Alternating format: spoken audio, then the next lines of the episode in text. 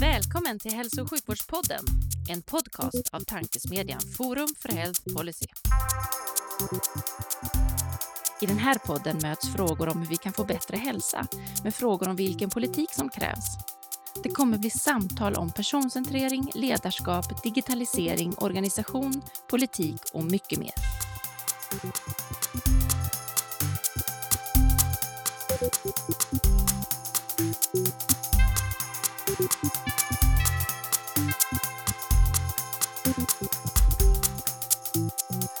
Hej och välkomna till Hälso och sjukvårdspodden, tankesmedjan Forum för Health Policys initiativ för att sprida goda idéer och tankar kring dagens och framtidens hälso och sjukvård och omsorg. Jag heter Magnus Lejelöw och arbetar till vardags för Colivia, men även ambassadör för Forum för Health Policy. Och vid min sida sitter en annan forumveteran, Livia. Precis, även jag numera ambassadör för Forum då efter att eh, inte längre vara styrelseledamot det här kommande året. Men till vardags så är jag policychef på Kry. Grymt, och idag kickar vi igång hösten med ett specialavsnitt med anledning av eh, inte bara anledning, man ska veta det här är en gäst vi har försökt få tag i, men, men han gjorde sig aktuell genom att skriva två välskrivna förklarande inlägg som gjort något relativt tekniskt förståeligt för fler och lyft vikten av standarder av data som en del av svensk hälso och sjukvårds framtid. Varmt välkommen Petter Wolf. Åh, tack och tack för de fina orden. Så vi kommer således att kapa lite av vårt format och köra lite med ett specialavsnitt. Men någon fråga från faktarutan kan vi inte hålla oss från att ställa. Så vi tänkte vi börjar med hur tror du svensk hälso och sjukvård ser ut 2040? Ja, tyvärr skiljer sig nog min tro från, från vad jag hoppas att den gör. Jag började jobba med hälso och sjukvården väldigt mycket för att jag ville värna om vår allmänna och, och allmänt gällande sjukvård för alla. Men jag har en känsla av att vi kommer att eh, gå in i ett läge där det blir mer försäkringsbaserad vård och kanske utgående från försäkringar som man har i jobbet och så, eh, allt mer. Men det jag skulle vilja se det är naturligtvis ett sammanhållet hälso och sjukvårdssystem som, som finns tillgängligt för alla och som prioriterar eh, de som behöver vård mest och kanske har svårast att ha resurser i, i vardagen annars det sa inte så mycket om hur systemet ska se ut, men jag tror vi kommer in mer på vad jag önskar av hälso och sjukvårdssystemet, eh, vad man kan göra konkret för att komma dit man vill eh, under poddens gång här. Varför tror du att din bild mellan tro och hoppas är så, skiljer sig så mycket? Ja, men det har med styrningen av vården att göra och att vi är så uppdelade i olika makthavare och att ingen är villig att ta greppet om helheten egentligen och göra de, fatta de beslut som krävs för att eh, åstadkomma en bättre styrning. Det är en, en, klassisk fråga i den här podden kan man säga. Vi, vi kommer tillbaka till den helt enkelt. Mm. Eh, men om vi, om vi, tar, vi försöker göra sjukvård lite bättre, Livia, ska du ta, ska du ta vår andra fråga? Så vi håller, håller oss ja, kvar men jag lite. tänker det och när vi ändå är inne på, på styrning, det kan ju och andra saker vi vill lyfta här också. Men eh, vi är nyfikna på vad du skulle vilja eh, sno med dig från andra hälso och sjukvårdssystem i världen för att förbättra den svenska hälso och sjukvården i den riktningen som du skulle vilja se då. Eh, eh hoppas eh, att den svenska hälso och sjukvården skulle kunna utvecklas till. Och varför du skulle vilja sno med dig just de exemplen. Mm. Ja, nu ska jag säga så jag, jag har ingen konkret erfarenhet av att jobba med hälso och sjukvård utanför Sveriges gränser. Så det jag vet om andra sjukvårdssystem är vad jag har läst. Men eh, det finns väl lite olika. Eh, jag, jag, tycker ju om vår allmänna vård som sagt. Eh, så den vill jag värna om. Så därmed grunden i Sveriges hälso och sjukvård är ju är väldigt god tycker jag. Mm, sen kan man se i NHS, England, så har man lite mer högre grad av nationell styrning och nationella riktlinjer och stöd. Och det tycker jag vi skulle ha gott av. Och inte bara lämna det till regionerna i Sverige. Ehm, sen så finns det helt andra saker som, ja, det finns ett eh, omvårdnadssystem i Holland som heter eh, Burtsorg, grannvård eh, på svenska ungefär som jag tycker är väldigt beundransvärt för sin, sitt sätt att ja, bedriva omvårdnad av äldre på ett väldigt nära sätt och på ett, eh, med hög grad av självbestämmande för små enheter, men ändå en sammanhållen eh, strategi. Så det är värt att titta på för de som är intresserade av det, tycker jag. Och sen så har jag egentligen en av de saker som ledde mig in i hälso och sjukvårdsområdet överhuvudtaget, för jag har inte varit där hela livet. Eh, det är ett system som heter Tedacare, jag tror det är Wisconsin i USA, som eh, har varit väldigt aktiv i att implementera lean management på ett, som jag uppfattar det, väldigt bra och eh, ja, ehm, äkta sätt, om man säger så. Som med, med leans grundpelare av continuous improvement och respect for people som, eh, som ledstjärnor. Och, och där skulle man kunna ha mycket att hämta tycker jag också av det tänket. Även om lean inte har blivit någon Eh, eh grej i vården riktigt, eller det har inte slagit.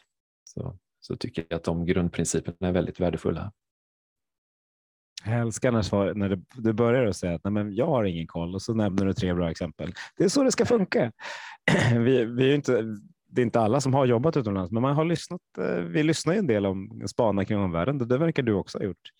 Tackar. Mm. Wisconsin ska vi, har vi, har vi, lägger vi upp på vår lista, för jag tror inte att det lyfts de första 60 avsnitten av den här podden, så det är positivt. Mm. Ja, det kanske var dags då. Ja, men eller hur? Men du Peter, vem är du då? Och, och vad gör du idag? Du, jag vet att du har ja. många hattar, så du får, det här blir en, ett långt svar. Tänk. Ja, just det. Ja, precis. Vem är jag? Ja, det, är en, det är en fråga det verkligen.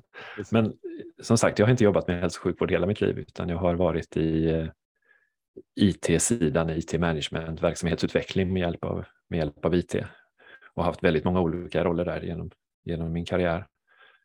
Eh, men eh, för ungefär åtta år sedan så, så fick jag känslan av att jag skulle kunna gå in i hälso och sjukvården och, och göra någonting där för att eh, åstadkomma lite förbättringar förhoppningsvis. Eh, och sedan dess har jag varit dedikerad till det egentligen. Och det började då, då tog jag faktiskt anställning på Västra Götalandsregionen och hamnade i en roll som IT-strateg, heter det då, vilket egentligen var en mer av en enterprise-arkitekt kanske med informationshantering som, som huvudsyssla. Och det har väl färgat min fortsättning en del här. Eh, när jag gick in i vården så tänkte jag faktiskt mycket kring det här med lean management och tänkte att det var det jag skulle föra in och hjälpa till att åstadkomma. Men jag har glidit över mer och mer i informationshantering, delvis på grund av att jordmånen för lean var ganska dålig av olika skäl. Ehm, och då är detta ett alternativt sätt att, att åstadkomma en förbättringspotential. Eh, så efter Västra Götalandsregionen så eh, var jag på ett bolag som heter Corus eh, som jobbar med att utveckla e-hälsotjänster av olika slag, både för regionala och privata sidan och mindre appar och större infrastrukturella system. Och där mm, kom jag djupare in i det här med standardisering av, av information och, och hälsovårdsdata. Eh, så det var en bra period för det.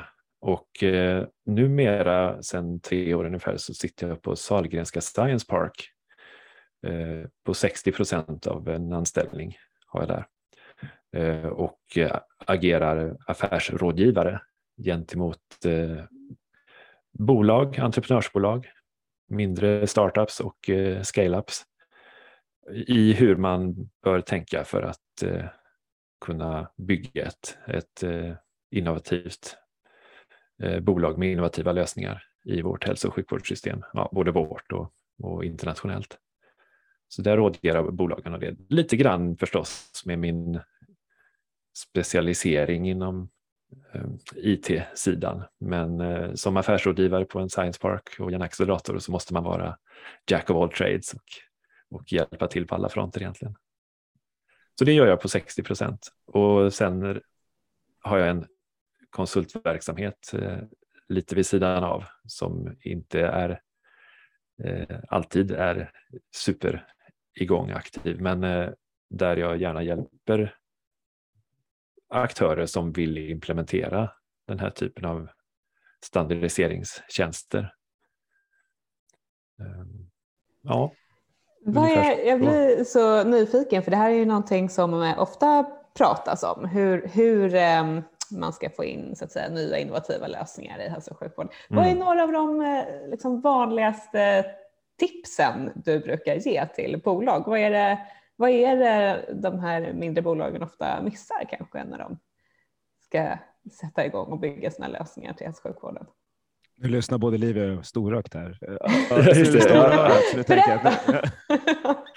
Ja, det är så väldigt många aspekter som måste funka och så är det mycket slump. Men innovation generellt, alltså, utgå från en lösning eh, och hitta, hitta vägarna till den. Inom hälso och sjukvård gäller det att hitta sin, sin eh, vad ska man säga, spokesperson inom systemet egentligen som, som tror på ens lösning. Så där får man lägga en del krut. Mm. Många innovatörer och entreprenörer tror väldigt mycket på sin egen lösning, men det gäller att hitta andra som tror på den också och övertyga om det. Och i det så handlar det om att eh, bygga evidens för det man vill göra av ett eller annat slag. Kanske inte alltid med en randomiserad kontrollerad studie, men, men någon form av evidens i alla fall för att visa på att det man försöker åstadkomma leder till förändringar av det slag man vill. Ehm, men det finns så jättemånga saker. Det är regulatoriska saker såklart. Ehm, vi måste, man måste hitta kapital. det handlar om att övertyga även investerare om att, att lösningen fungerar och så vidare. Så det, det blir väldigt många saker som ska funka ofta och alla de där sakerna ska funka. Och det händer ju till och från att, att vi får dem att funka och så lyckas vi introducera någonting. Men sen kommer ju nästa moment i Sverige. Det handlar om att skala upp saker och ting. Och där tycker Livia att vi får svaret ganska ofta att det inte går så bra. Att det här är liksom, det här det stora böket, böket sker. Hur, hur, hur kommer vi över den här skala upp-knuten? Eh, och då får vi ju utgå från liksom ramarna med 21 regioner som vi har, Petter, oavsett vad vi tycker om det. Ja, men precis. Eh, Regionerna är, är, en liten stötesten där, så är det ju absolut. Och att, att, att huvudmannaskapet ligger på regional nivå för alla typer av frågor egentligen. Det gör att det är svårt att skapa nationella strategier och, och eh, tydliga sådana. Att man säger att man ska vara bäst på e-hälsa 2025 och sen lämna till regionen och lösa det. Det är, liksom inte, det är inte mycket av en strategi. Eh, men för att skala upp så skulle jag säga att från centralt håll, så att säga, mm, vad man kan göra som en generell lösning, det är att skapa infrastruktur. Infrastrukturella eh, lösningar som gör det möjligt att bygga innovativa applikationer och tjänster ovanpå. Och då måste man enas om hur den infrastrukturen ska se ut. Och där eh, försöker jag dra en lans för att öka graden av standardisering av data och använda de standards som finns internationellt och, och är gångbara och, och driva det lite tydligare och hårdare så att det gäller för alla aktörer inom svensk hälso och sjukvård.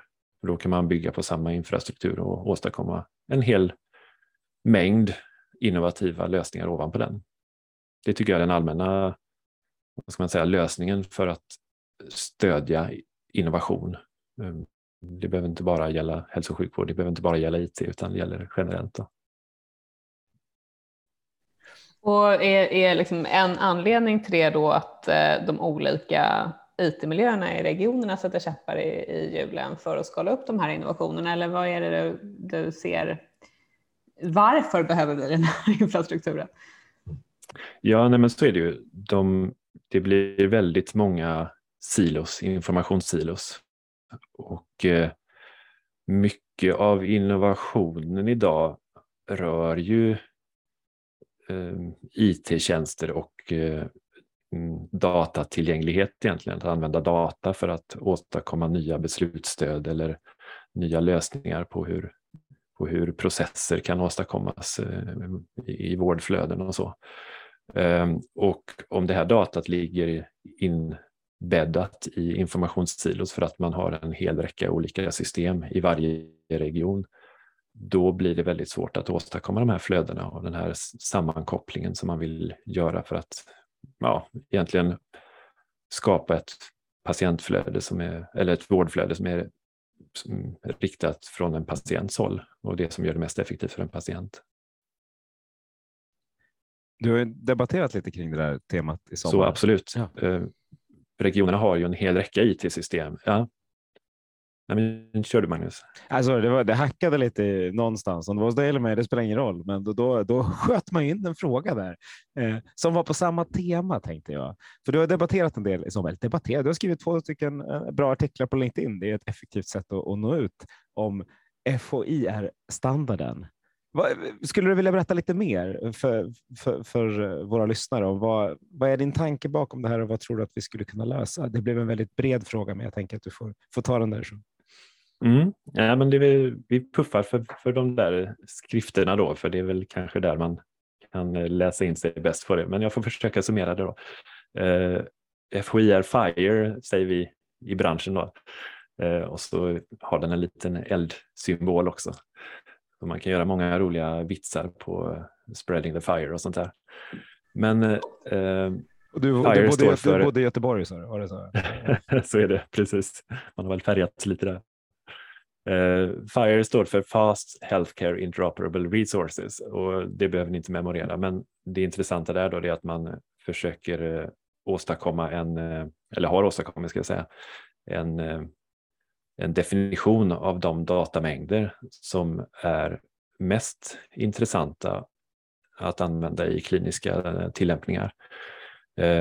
och Eh, de här små informationsenheterna de kallar man resurser och, och, och då är tanken att man ska kunna använda de här små legobitarna egentligen, dataelementen och pussla ihop olika typer av större kontextuella eh, datamängder av det. Och, och, det här med kontext är väldigt viktigt i hälso och sjukvården, alltså i, i, vilken, i vilken situation uppstår uppstod en viss datamängd och hur kan man härleda andra eh, informationselement ur det. Och, och, där ger FIRE en väldigt bra grund samtidigt som det ger en väldigt bra eh, flexibilitet egentligen för att åstadkomma det som man behöver för just sin lokala lösning.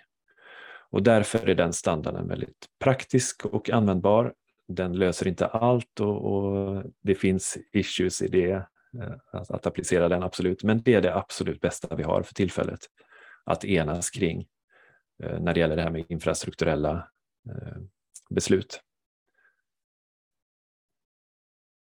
Så typiska FIRE-resurser, då, alltså informationsmängder, det är ju sådana här som observationer som man gör på en patient, diagnoser som man ställer, resultat på remisser till laboratorier, läkemedel, mm, även lite så här administrativ och logistisk information som bokningar och schemaläggning och så där.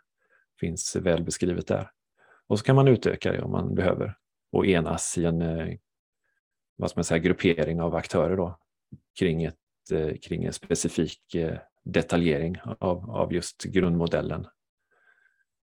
Och det är en väg framåt tror jag verkligen som vi skulle kunna driva hårdare på nationell nivå, eh, jobba med inom varje region och ta hela liksom, området framåt mot den här visionen av effektiv e-hälsa som vi alla strävar mot. Är det så att eh, den här eh, så att säga, strukturen konkurrerar med, med några andra alternativa eh, så att säga, strukturer för den här gemensamma det här gemensamma språket? Finns det mm, så att säga, konkurrerande system som, som man tittar på eller hur kommer det sig att det, eh, det tar eh, eh, så mycket engagemang från bland annat dig då att få till det här? Ja, ja, just det. Nej, men ja, man kan väl säga att i en värld av standards så finns det alltid olika standards att välja och vilken man ska välja kan man ha stora fighter om. Men alla standards har sina flavors och eh, sina starka och svaga sidor.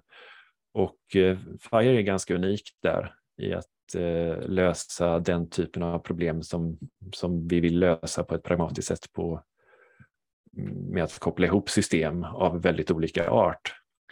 Sen finns det andra standards som specificerar data närmare, så som många har hört talas om Snowmed till exempel. Eh, där man, som är en stor datamodell av, och innehåller massa mm, ska man säga, SNOMED-koder för kliniska element av olika slag. Och, och, men då kombinerar man den, FIRE använder sig, stöttar sig på SNOMED väldigt mycket för att eh, definiera individuella attribut i sina modeller. Så de standarderna lirar, eh, lirar bra ihop och behöver inte vara exkludera varandra. Sen finns det en standard som heter OpenEHR eller OpenAir som också vinner terräng och, och, på goda grunder. Den är lite mer eh, driven av att man ska spara datat på ett standardiserat sätt i eh, vad ska man säga, databaser och kunna långsiktigt eh, använda det för att till exempel byta leverantörer och, men behålla datastrukturerna. Eh, också väldigt lovvärt, men ett, ett större ingrepp egentligen. Då måste man bygga om systemen från grunden, vilket Fire inte kräver. Och det gör att eh, OpenAir och Fire är två standarder som också lirar väldigt bra ihop om man vinnlägger sig om att ensa dem och, och hitta, hitta de gränssnitt mellan dem eh, och, och enas om samma sätt att beskriva saker. Och det håller de här två communitiesarna, OpenAir-communityn och Fire-communityn, på med väldigt mycket. Det bedrivs aktivt arbete där.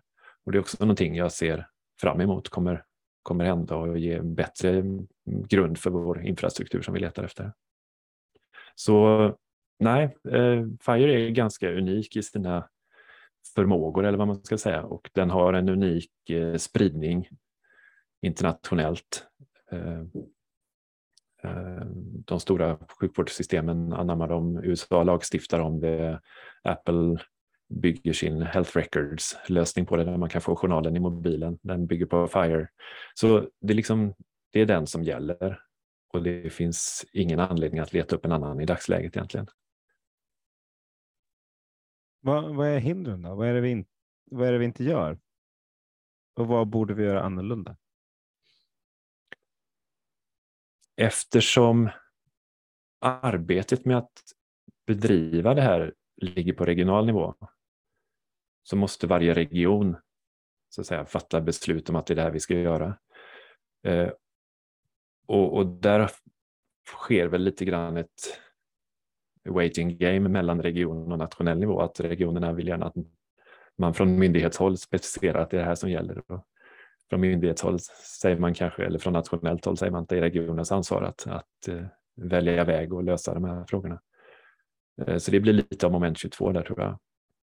Sen så är det också så att man kan inte, ibland kanske man tänker att man vill lämna till leverantören att avgöra detta, men man, när man är en hälso och sjukvårdshuvudman så måste man specificera, man måste så att säga äga eh, de infrastrukturella parametrarna och använda det i sin kravställning egentligen.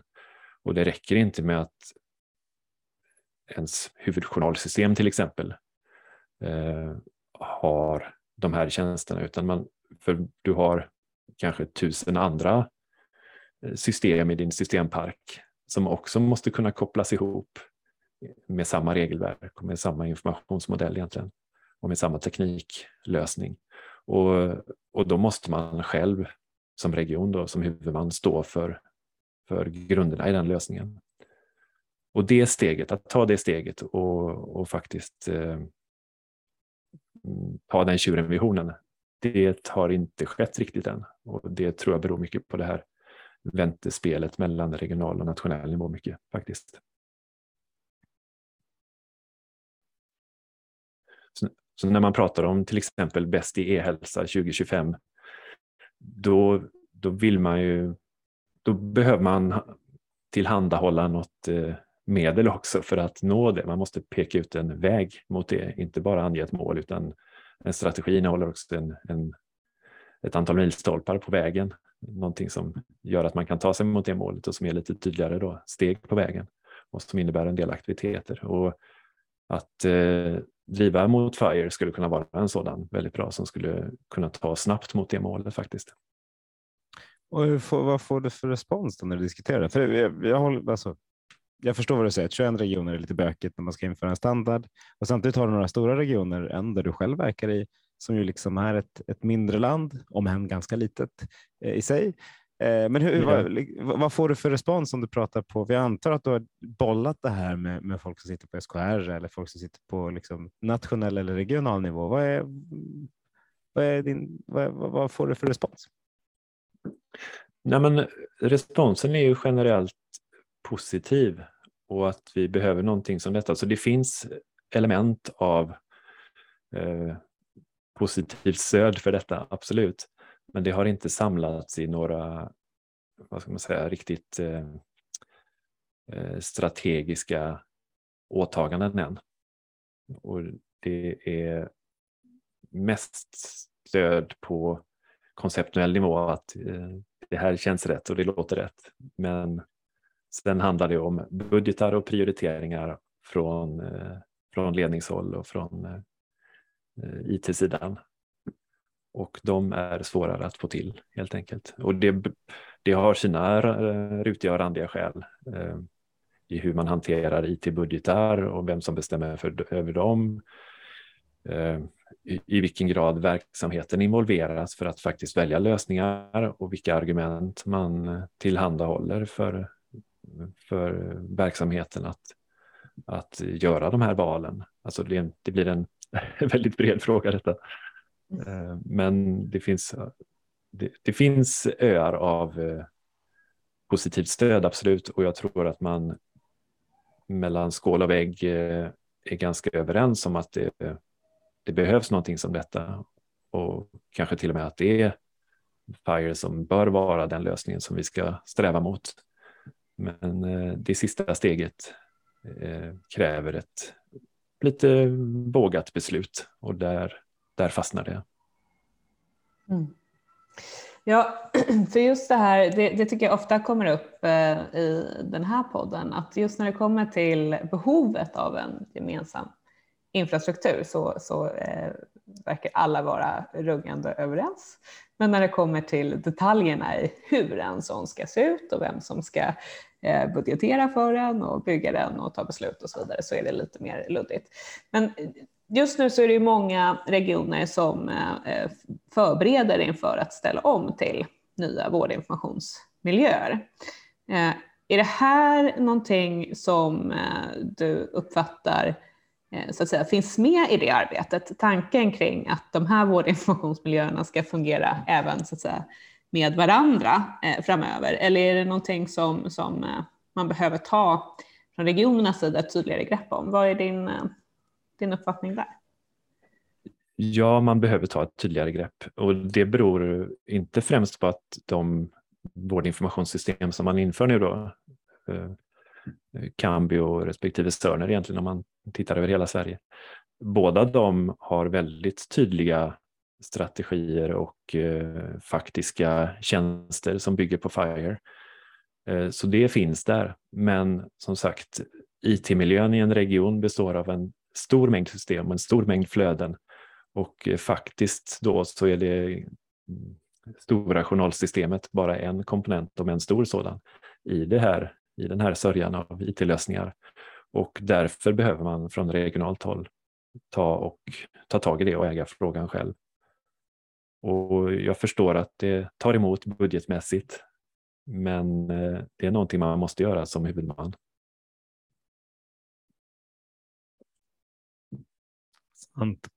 Du nämnde i en bisats där eh, om IT-budgetar. Det lät inte som du var helt nöjd med hur det hanteras idag. Hur, hur, I din perfekta värld, hur skulle man hantera en IT-budget från en region? Hur skulle du vilja sprida ut pengarna på ett bra sätt? Vem skulle ta besluten? Jag älskar när vi får ställa sådana här omöjliga frågor, Livia.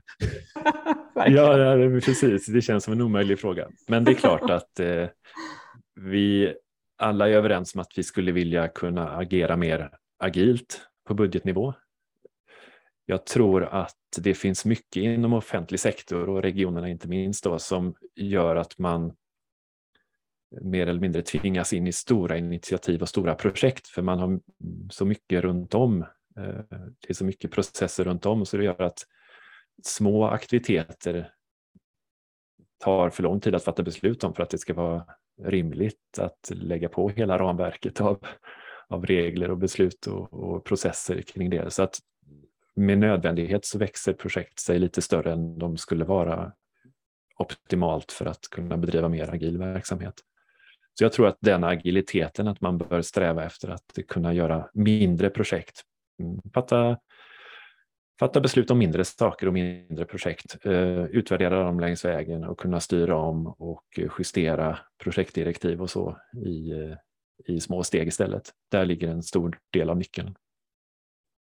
Varför är vi så dåliga på det? För, för det, det, verkar vara svårt oavsett om man är eh, oavsett vilken styrning man har, om man är ett privat bolag eller om man är eh, liksom en offentlig in, inrättning i form av en region eller något annat, så verkar det vara väldigt svårt att göra det som som du säger, men vi är rätt eniga om att det är effektivare att testa och se vad som händer.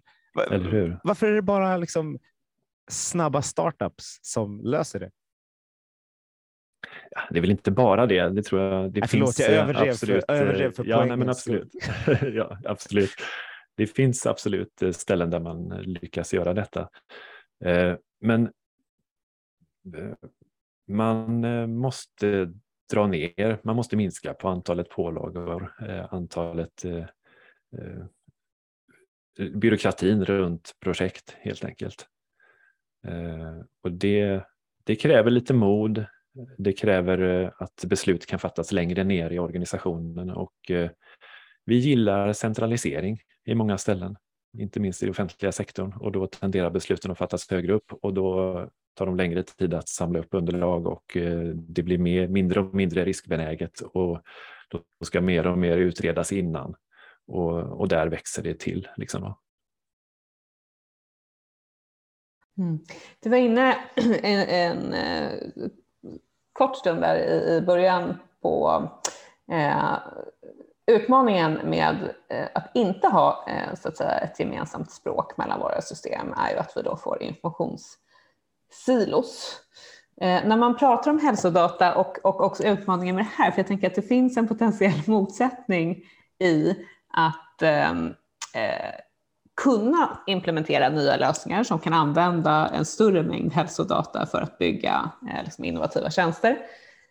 Och farhågan att man då inte centralt ifrån har koll på vad som händer, alltså det vill säga den här centrala styrningen där man eh, liksom, för att möjliggöra eh, eh, nyttjande av hälsodata i större utsträckning så kanske det också driver mot att man vill ha en ännu tydligare kontroll över vem som tar beslut kring vilka tjänster som får ansluta, datamängder och så vidare. Hur, hur ser du på det och hur kan man lösa upp en sån knut framöver? Att vi inte eh, så att, säga, att vi drar i två olika riktningar. Ja, men det är en väldigt bra fråga. Jag tror att eh, Eh, det är svårt att hitta någon perfekt balans mellan eh, top-down och bottom-up.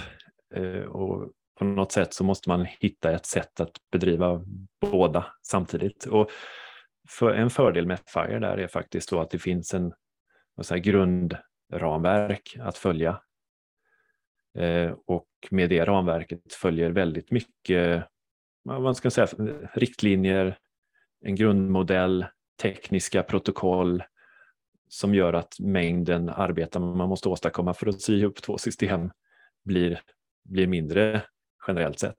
Men man kan också man har också möjligheten att, och måste egentligen, jobba bottom-up med att definiera de här informationsmängderna på detaljnivå eh, på mer lokal nivå utifrån de applikationer och de sammanhang som man eh, vill använda på den lokala nivån.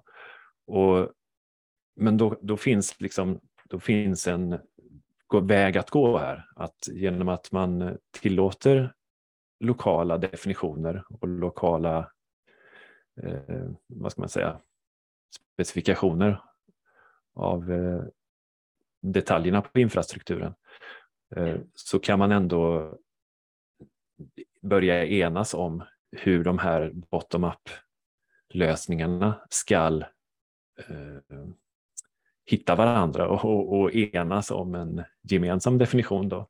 Och då kan man göra det i lite olika takt. Så därmed kan man välja vid olika tillfällen när man väljer top-down och när man väljer bottom-up. Och det tror jag faktiskt är en nyckel här då. Eh, och, och något som FIRE genom sin sitt sätt att bygga standarden stöder i viss mån. Och det är klart att de här bottom-up att det åstadkoms många bottom-up-lösningar som i, i detaljer skiljer sig åt. Det, det gagnar inte interoperabilitet i sig.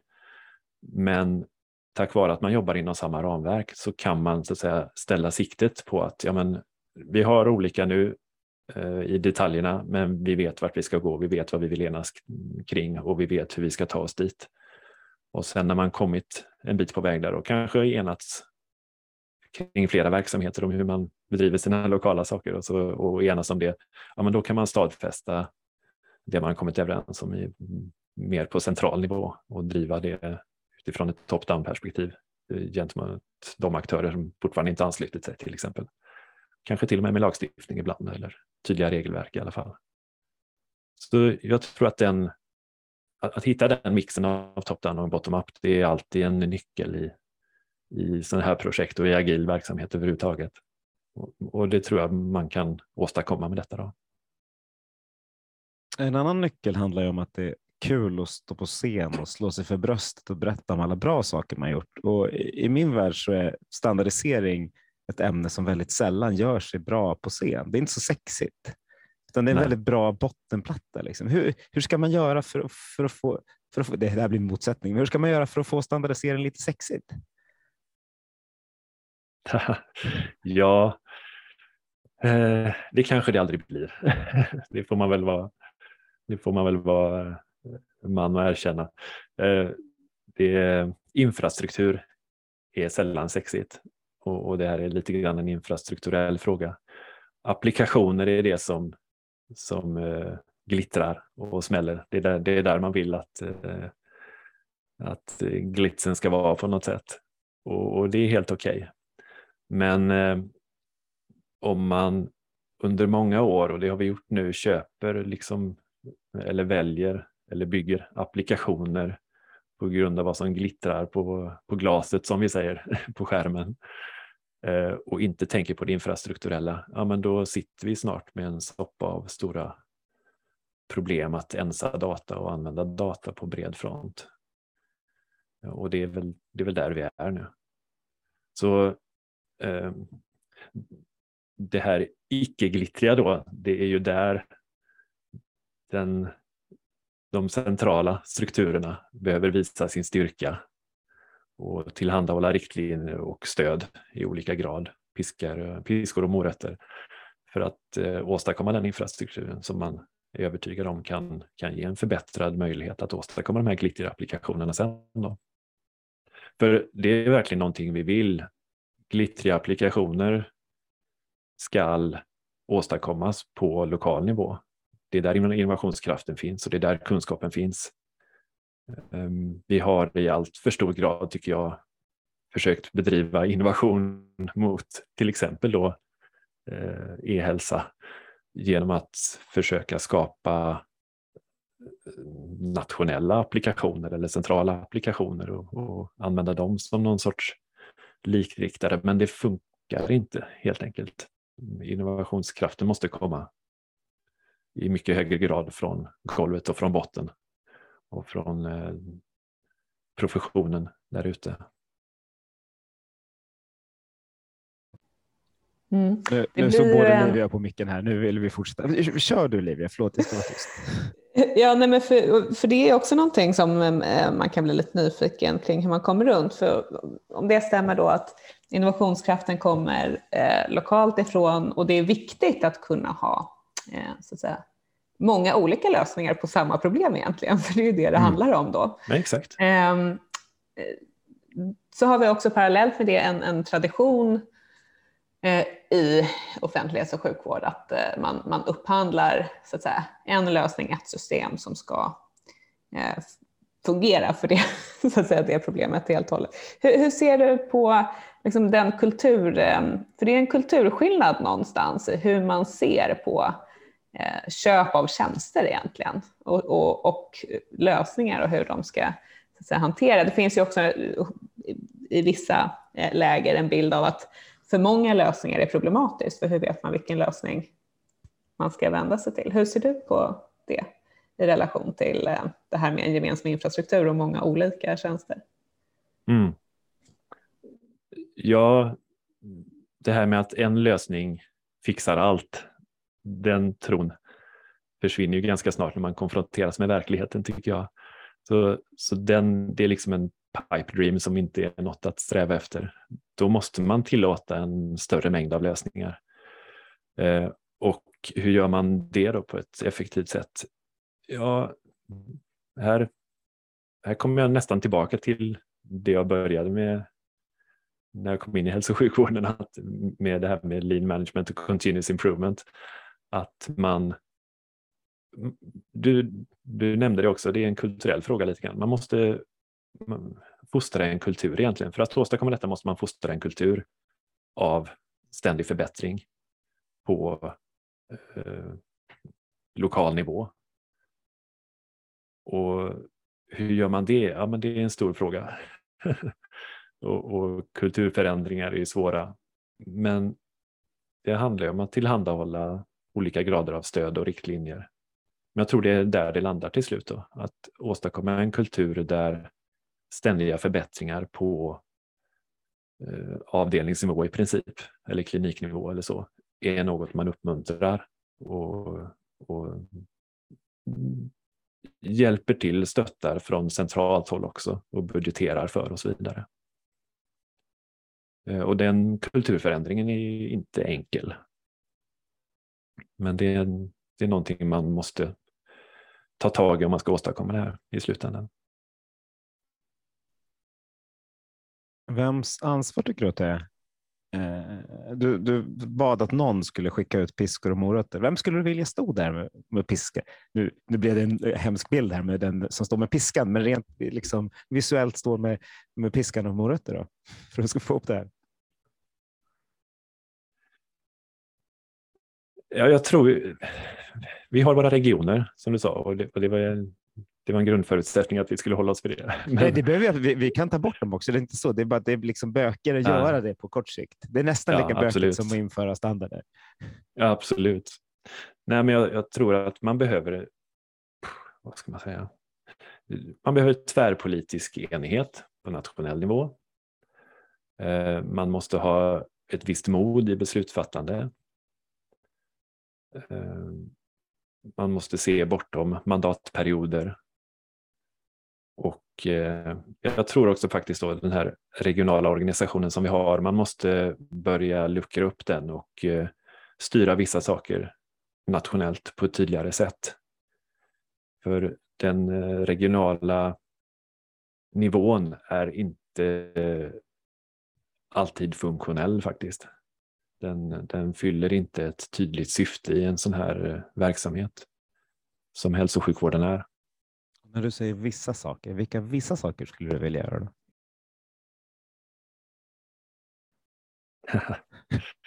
ja.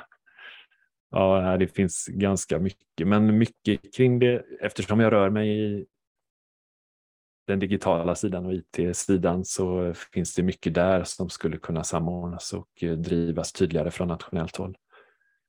Och överhuvudtaget styrningen. Eh, jag tänker en sån sak som primärvården också. Vad gagnar den att den är regionalt organiserad? Jag tror inte det så mycket. Eh, jag skulle vilja se ett hälso och sjukvårdssystem som är mer grundat i primärvård och eh, styrs från primärvårdshåll och håller ihop patientflöden på ett tydligare sätt. Och att specialistvården dockar in i detta. Och då tror jag att en eh, nationell eller nationaliserad ska jag säga, för inget här som jag säger ska tydas till att, man, att jag tror att vi kan etablera en nationell myndighet för hälso och sjukvårdsstyrning som skulle göra allting effektivare i ett slag. Det finns liksom inte. Eh, men en eh, nationaliserad styrning av primärvården som sedan nyttjar sjukhussystemet och eh, den specialistvård som är knutet till det för att lösa de specialiserade frågorna i de olika flödena som, som patienterna eh, skickas in i om man säger så. Men att det ägs från primärvårdshåll. där tror jag, nu kommer jag, nu kommer jag inte ens ihåg vad frågan var Magnus. Men... Nej, frågan var vad vi skulle styra nationellt. Det är en svår fråga. Det är mm. liksom, jag, jag, fattar också att det är svår. Mm. Du Livia, du som, som representerar en aktör, eh, förutom att du är forumambassadör så representerar en aktör som jobbar i systemet. Vad, vad, vad är din känsla? Hur, vad, vad, skulle vi behöva ändra på? Vad, vad tror du om standardtanken? Nej, men det var lite som jag var inne på tidigare, att all, alla eh, aktörer i systemet är ju överens om att vi behöver gemensamma standarder. Och det som är så otroligt frustrerande är att trots det så får vi inte till det. Eh, så att nyckelfrågan här som jag inte har något tydligt svar på, det är ju just eh, så att säga, vem, vem bestämmer, vem styr skutan? Och där tror jag absolut att det behövs en tydligare eh, nationell, eh, nationell styrning. Att man behöver mm. peka med hela handen och säga att den här vägen ska vi gå tillsammans nu. Och sen så är det en utmaning, tycker jag, som apropå att primärvården ju, precis som annan vård, är regionalt baserat, att eh, det finns olika uppfattningar ute i regionerna kring om man ska ha en eller fler lösningar för olika typer av tjänster, i vilken utsträckning patienter eller enskilda kliniker ska få välja dem. Så, att, så att det handlar heller inte bara om så att, säga, att få till grundplattan så kommer allting annat lösa sig, utan det finns eh, olika uppfattningar kring så att säga, hur eh, digitala tjänster ska få nyttjas i systemet. Ja, eh, som, som, man också behöver tror jag, prata om och, och hantera. Eh, men, men och, utifrån... och såklart som, som eh, privat vårdgivare då att behöva docka in i 21 olika systemstrukturer. Ja, och som du var inne på så, precis, så är det ju inte bara 21 utan det finns ju eh, många, många ja. andra system i varje enskild region också som man behöver eh, kunna förhålla sig till. Och där är ju, jag tror, eh, precis som, som du säger, så är ju eh, en gemensam infrastruktur och standardisering helt centralt för att kunna få till Eh, Eh, att alla de här olika typerna av tjänsterna eh, kan, kan kommunicera med varandra på ett effektivt sätt och på ett mer kostnadseffektivt sätt för regionerna. För det är omständigt att förvalta alla dessa system som har eh, problem att jacka an i varandra. Så att säga. Och att få in nya tjänster och lösningar. Så det är absolut en, en utmaning. Samtidigt så kanske det handlar om att man inte är tillräckligt bra på att kommunicera varför det vore bra. Så jag ställer frågan tillbaka till dig nästan, att säg att vi nu får till den här eh, standardiseringen, gemensam infrastruktur. Vad betyder det? Vad, liksom, vad ser du framför dig då? Svensk hälso och sjukvård 2040 till exempel. Ja, just det. Vad, vad, innebär det för vilka typer av digitala tjänster vi har eller hur vi använder hälsodata då, om vi skulle få till det nästa år? Ja, men det bra, bra fråga, Livia. Ja, verkligen. Ja, men det innebär en hel massa positiva saker, tror jag. Dels eh, hanteringen av, eh, alltså vi har våra kvalitetsregister idag, men varje kvalitetsregister kan specificera sin egen eh, datamodell egentligen. Där ser jag ju den vad ska man säga, longitudinella uppföljningen av vår population i olika aspekter. Om den gjordes mer standardiserat så skulle vi kunna använda den på väldigt många spännande nya sätt och beforska. Och, och mm, så det är en sak. Eh, själva en av de stora vinsterna är naturligtvis att alla administrativa eh, overhead som man lägger på att mata in information och eh, leta efter information och försöka överföra information skulle minska drastiskt. Man matar in en gång för en patient det, man, det som är relevant för ens eget område och sen så används det av alla andra aktörer i den patientens eh, hälso och sjukvårdsflöde. Då. Ehm, sen har vi innovationsaspekten, att eh, mängden lösningar kan faktiskt tillåtas vara stort och man kan eh, hitta innovation, alltså man kan skapa innovationer och låta dem plugga in i eh, det här systemet och eh, se till att data som redan har skapats någon annanstans kan användas i den innovationen och eh, att innovationen kan åstadkomma något ytterligare och lämna tillbaka data till samma system. Alltså, det ger en mycket större möjlighet för innovativa lösningar och innovationer från eh, både så att säga offentliga vården själv och från privata aktörer av olika slag och innovativa entreprenörer att eh, bidra med sin specialistkunskap och sina speciella idéer. Då. Så det finns massa fördelar där. Det var en bra fråga, Livia. Den kändes nästan som den knöt ihop det mesta av det vi pratat om. Eller vad säger du, Petter? Ja, men det tror jag faktiskt. Så, så känner, när du kom in i det här rummet, vi, har ju liksom, vi skulle prata om det här temat, sa du och jag, och det har vi gjort. Men är det något du känner det här har inte jag fått, fått prata om och, och, och nämna? Det här hade jag verkligen när jag kom in i det vilja säga, som du inte har fått säga? Nej, men jag tror inte det. Jag, jag ser det som att eh, konversationen om eh, hur vi ska bedriva effektiv hälso och sjukvård och digitalisering av densamma och baserat på standards av olika slag eller inte, den, den löser vi inte i en podd utan den, den kommer behöva föras vidare och, och, diskuteras vidare. Men det här var väl en, en bra överflygning av området tycker jag. Och vi har diskuterat olika aspekter av det. Så nej, jag, jag känner mig nöjd så. Vad härligt att höra. Och då, jag hoppas ju att, det blir, att årets valfråga blir just standarder i vården, men jag tror inte det. Men, så jag tänker att det kan vara bra att vi fortsätter att diskutera det efter valet. Eh, och att eh, jag uppmanar alla att gå in och läsa Petters inlägg på LinkedIn, för de eh, sammanfattar ett, ett, som sagt ett, ett ganska tekniskt och svårt område på ett, på ett bra sätt och det kommer en massa kommentarer i fältet efteråt som faktiskt belyser fler aspekter också. Så jag tror att det, det finns ett bra sätt att, att, börja diskussionen och jag tror vi ska fortsätta diskussionen även efteråt. Och känner jag Forum för rätt policy rätt så kommer vi vara med och, och, och vilja diskutera det här. För vi ser osexiga ämnen som man kan göra sexiga, det är det roligaste som finns. Eh. ja, men det låter ju jättebra. Eh, jag tror inte heller det blir någon valfråga. Jag tror inte det. Man kan alltid hoppas. Hur, hur, mycket man än hade önskat det. Så, så får vi nog fortsätta konversationen efteråt. Och, och, det vore väldigt roligt att höra respons från olika håll och kanske liksom repliker på detta och som vi kan eh, utveckla och, och inveckla och prata vidare om. Det hade varit väldigt trevligt. Ja, så länge vi inte avvecklar bra saker så, så får vi inveckla hur mycket som helst tycker jag. Men, men då tackar vi varmt Petter för en, en, en bra diskussion. Eh, tack Livia som vanligt för, för bra samarbete och tack alla ni som har lyssnat eh, på Hälso och sjukvårdspodden. Eh, nu går vi ut och förändrar svensk hälso och sjukvård till det bättre. En mer standardiserad, bättre verklighet helt enkelt. Tack, tack. så jättemycket, det låter bra. Tack.